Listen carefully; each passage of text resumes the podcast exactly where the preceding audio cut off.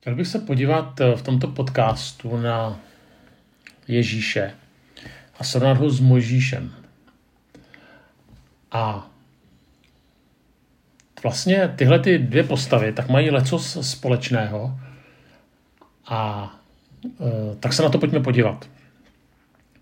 Oba dva vystupují jako zachránci. Jeden zachránce Izraele, druhý nejen Izraele, ale celého lidstva. Možíš vyvádí lid do zaslíbené země, která je časná. Kristus vyvádí svůj lid do nového života, který je věčný. V obou dvou příbězích hraje důležitou roli matka. V narození obou dvou je doprovázeno velmi krutým nařízením o vyvraždění chlapců, to je další paralela. Dále v obou dvou případech hraje, hraje důležitou roli Egypt. Možíše zachrání egyptská posvátná řeka Nil a pak je v Egyptě vychován. A Josef a Marie e, naleznou v Egyptě útočiště před běsnicím Herodem.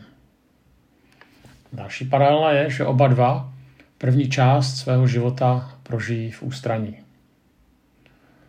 O Ježíše je vyřčeno proroctví, které ale celkem sedí i na Mojžíše, konkrétně je to citováno v Matouši ve druhé kapitole. On tedy vstal, vzal v noci dítě i jeho matku, odešel do Egypta a byl tam až do smrti Herodovi. A tak se naplnilo, co řekl pán ústy proroka, z Egypta jsem povolal svého syna. Tak tam, když to čtete, tak by to nebylo u Matouše, který to vlastně vztahuje eh, na Krista, tak bychom to asi vztáhli na Mojžíše. Jo? Z Egypta jsem povolal svého syna. Ale tak tady vidíme skutečně řadu paralel, což je zajímavé.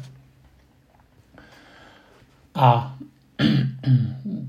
pojďme se tady tohleto nějak víc ještě promyslet i pro naše životy. Oba dva se také narodí v chudé rodině, které se v politickém slova smyslu není třeba obávat. No, prostě Herodes ani, ani římský císař se skutečně nemuseli bát uh, Maria Josefa. A přesto se jejich narození uh, spojuje se strachem. To je taky zajímavý, že prostě faraon se začne bát rozrůstajících se židů. A Herodes se bojí, že se narodil konkurent. Ale ten strach je prostě naprosto absurdní. Prostě ani židé, včetně Mojžíše, ani chlapec v Betlémě nemohli tehdejší vládce prostě vůbec ohrozit. Ehm, ale vůbec.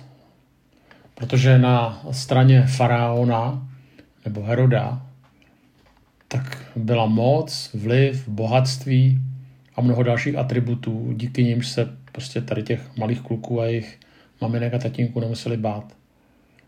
A přesto se bojí, a dokonce se bojí bezvýznamných dětí. Proto je nechávají vyvraždit. Oba dva příběhy ukazují na jednu vlastnost, která vlastně často vede lidi k iracionálnímu a zlému chování. Ta vlastnost se jmenuje strach. Strach je první emoce, která je popisována v Bibli. Čteme, že poté, co zhřešili, se Adam a Eva bojí a ukrývají se před Bohem. Tak když se díváme i na svoje životy, tak jsme někdy ovládáni strachem. Možná i proto jedna z hlavních zvěstí Vánoc je výzva nebojte se. Mimochodem u Lukáše v tom popisu Vánoc je tady ta výzva nejčastěji se opakující. A ještě další paralela, jak u Mojžíše, tak u Ježíše, tak Bůh se stupuje uh, na tuto zem. Jednou posílá vůdce, který vyvede lid z otroctví, uh, máme mysli Mojžíše, a potom mu dá svůj zákon na Sinaji, ten zákon pomůže identifikovat vyvolený národ. Mám na mysli ta desatero, které bylo vydáno na Sinaji. Po druhé se člověkem Bůh sám stává, aby vyvedl lid z otroctví hříchu. Jednou Bůh skrze člověka Mojžíše nakazuje, aby ten lid zabil beránka bez vady a aby krev tohoto zvířete ochránila život vyvolených po druhé se Bůh Ježíši sám tímto beránkem stává. A reakcí jedněch je potom radost, že Bůh se stal zachráncem a vykupitelem. A reakce druhých je strach. Bůh se pro ně stal nebezpečím. už jsem říkal, jak faraon, tak Herodes se bát nemuseli, ale prostě se báli. A tady je jeden důležitý princip. Totiž, že strach nemusí přicházet v důsledku negativních okolností. Protože prostě můžeme být zabezpečeni maximálním možným způsobem a stejně se můžeme bát. Nechci mluvit o věcech, které nás nepokojí a kvůli kterým se bojíme. Tak to je celkem jasný. Ale když se díváme na faraona a na Mojžíše, tak potom se bojí, i když je vlastně nikdo neohrožuje. Max, v podstatě to, čeho se možná podvědomě bojí, tak je jakési boží působení. Nedokázali to takhle určitě pojmenovat, ale z odstupu to vlastně můžeme vidět. Prostě do jejich životů vstoupil Bůh, nebo do, jejich, do těch okolností vstoupil Bůh a oba dva se zalekli. Farao později mluví s Mojžíšem, tady dozvídá se o Bohu. Herodes zná dávná proroctví, a mu to řeknu ti náboženští vůdci kolem něj, a tak posílá tři mágy. Ale Boha nebo Ježíše, teda u, faraona Boha u Ježíše se prostě bojí. Myslím si, že v těch reakcích se skrývá určitý rozpor lidské přirozenosti, který bychom popsali tak, že na jednu stranu se člověk Boha bojí, na druhou stranu je jim přitahován. Zároveň je to něco charakteristického prý obecně pro náboženství, je to strach z neznámého. Jo, v životě člověka to může být proto, že podvědomě cítí, že by Bůh mohl zasáhnout do našeho života. Teoreticky člověk ví, že, nebo aspoň my křesťané teoreticky víme, že Bůh má pro nás to nejlepší, mnohokrát jsme to slyšeli, jenže se nám někdy stává, že nás více vzrušují ranní zprávy než boží zprávy a že nakonec věty o boží blízkosti s námi až tak nic moc nedělají. Blé Pascal tady to vyjádřil slovy, jak daleko je od poznání Boha k lásce k Bohu. Možná i proto, že člověk někdy necítí boží blízkost, tak pak z něj má strach. Jako ze všeho, co je nám je vzdálené, co neznáme. A tak Boha se bojíme i proto, že ho známe málo, že je pro nás spíš pojmem, myšlenkou než realitou. Já jsem to zažil i ve vztahu k druhým lidem, že jsem se jich bál v té chvíli, než jsem je poznal blížej. A přiznám se, že se mi to někde děje i ve vztahu s Bohem, Jedno z tajemství lidské existence je tzv. nezasažené srdce. To znamená tluče bez jakékoliv vášně eh, v lidské bytosti. Eh, je to srdce, které je lhostejné, nevyužívá své nadání, pohřbívá naději. A lidé s takovýmto srdcem umírají dříve, než se narodili, než začali žít. A ta jejich určitá existenciální nedůvěra v Boha je základem jejich neschopnosti se Bohu oddat. Byl to Viktor Frankl, který napsal, člověk nalezne sám sebe pouze do té míry, do jaké se zaváže někomu nebo něčemu většímu, než je on sám. My bychom dodali, kdo se zaváže Kristu. Aby se nám Bůh v Kristu stal blízkým, aby nebyl jenom někým neznámým, kterého se bojíme, tak potřebujeme někdy znovu oživit vášeň. Je to vášeň, která vychází ze srdce, které touží po živém Bohu.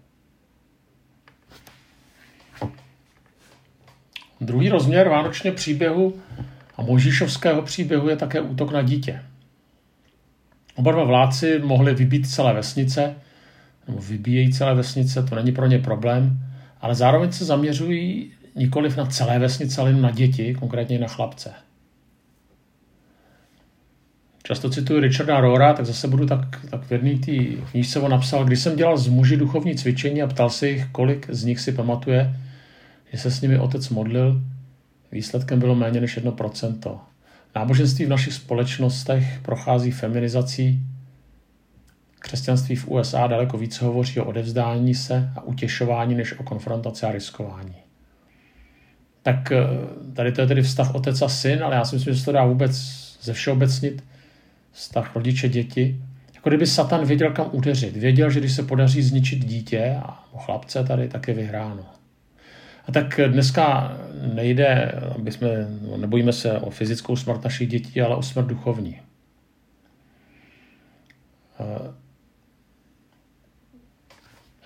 Nedávno jsem byl v jednom, jsem se byl podívat uh, na, nějaký, na nějaký film a uh, byl, byl to film teda pro děti, já jsem tam byl s dětma. A to, co tam, co mě jako fascinovalo, bylo to, co bylo předtím. Jo? Byla to 15-minutová smršť reklamy na různé výrobky, na různé filmy. A byť ten film, na který jsme šli, tak byl pro děti, to znamená, byl normálně přístupný, tak to, co bylo před tím filmem, tak to byla smršť otevřené nahoty, násilí. A tam se mnou seděli dvě děti kolem deseti let a samozřejmě já vím, že od toho je nemohu izolovat, ale zároveň vím něco o předčasných informacích na dětskou psychiku. A tak si uvědomuji, jak ten moje děti, moje děti už tak, asi už ne, já už jsem, už jsou starší, ale možná ale ty děti ty menší, tak jsou ohroženy. Tak člověk jako pak, když má malé děti, tak řeší, jaký plenky, jakou školku, jakou školu.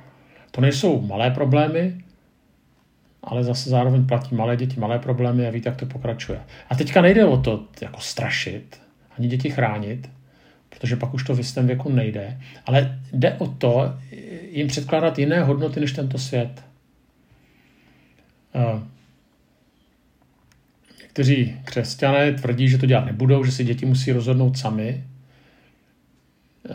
Jenže svět své hodnoty předkládá a, a to velmi agresivně, nemazlí se s tím. Neřeší, zda je morální naše děti strhnout na svou stranu. Prostě to tak dělá a dělá to ze vší vehemencí kašle na to, co si o tom myslí nějaký křesťanský rodiče. Když se podíváte na totalitní režimy, potom všechny se zakládali, všechny zakládali své mládežnická a dětská hnutí. Tak my, co jsme vyrůstali v komunismu, tak si vzpomínáme na jiskřičky, na pionýr. Němci měli Hitlerjugend eh, a tak dále. Prostě oni věděli, že kdo získá duši dětí, získá národ. A tak tady chci jenom položit eh, tohleto na srdce rodičům.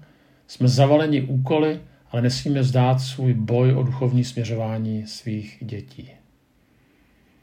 A tady skutečně to není náhoda, že v tom, v tom příběhu Vánoc a zároveň příběhu Mojžíše, tak ten útok se vede na děti, protože to přijde o mladou generaci, přichází o všechno. tam věděl, kam má útočit. A třetí a poslední rozměr tady těch dvou příběhů může znít jako fráze, ale přesto je to si nesmírně důležitého. Konec, když vidíme, jak to tam probíhá, všechno to vraždění dětí a útěk do Egypta, tak nakonec vidíme, že Bůh si své dílo prosadí, i když se bude bouřit celé peklo. To vidíme v těch dvou příbězích. A tak mnohokrát je to tak, že nám boží vůle není jasná, někdy nás i bolí, ale přesto to může znamenat, že se nemusíme za každou cenu rvát do dveří, které jsou někdy zavřené, nemusíme být hysteričtí, když se neděje naše vůle. Bůh od nás očekává především věrnost a poslušnost. Samozřejmě já sám jsem z některých věcí někdy smutný, zdá se mi, že život nejde tak, jak bych chtěl, aby šel, okolnosti nejdou podle mojí vůle, jak si představuji. Propadám, asi propadáme někdy malomyslnosti. Ale právě tady do těch temnot promlouvá ono vánoční nebojte se. A vím, co dělám a vy mi můžete důvěřovat. Tak ani ten mojžíšovský, ani kristovský příběh o jeho narození není zarámován klidem, pohodovou atmosférou, jenže tam, kde tam, kde jde o boží věci, to asi ani nejde. Přesto nás Bůh tady k tomu dobrodružství, které není vždycky příjemné, zve v čase Vánoc a zároveň nám sděluje, nebojte se, nebojte se, já jsem přemohl svět, to, co teď vypadá jako malé a slabé, tak poroste. Pokud mě necháte, abych v tom či onom působil svojí mocí. Situace se možná někdy vymkne z kloubu, ale nechte mě jednat, nebojte se, důvěřujte mi. Na závěr ještě slova Dietricha Bonhoeffera, který říká, je chytřejší být pesimistou. Zapomene se na zklamání. Proto je mezi chytráky optimismus mlčky zakázán. Optimismus není v podstatě názor na přítomnou situaci, nýbrž životní síla. Síla naděje tam, kde jiní rezignují, umění nést hlavu vzhůru, když se všechno zdá ztracené, síla znášet zvraty. Je možné, že zítra nastane soudný den, pak se rádi vzdáme práce pro lepší budoucnost. Ale dříve nikoliv. A tak bych nám přál, abychom byli optimisté. Ne optimisté, kteří jsou optimisté, protože mají takový naturel, ale optimisté, protože jejich naděje zakořeněna v Kristu. Zároveň, abychom nebyli takový ti vyčúraní pesimisté, kteří vědí, že je lepší vlastně všechno vidět černě. Tohle to není cesta dopředu. To, že to nemusíme vidět černě, je proto, že nakonec Bůh si svoje dílo prosadí. To vidíme nakonec v příběhu, v té paralele Možíše a Krista. Také je to, je to pravda i v našich životech.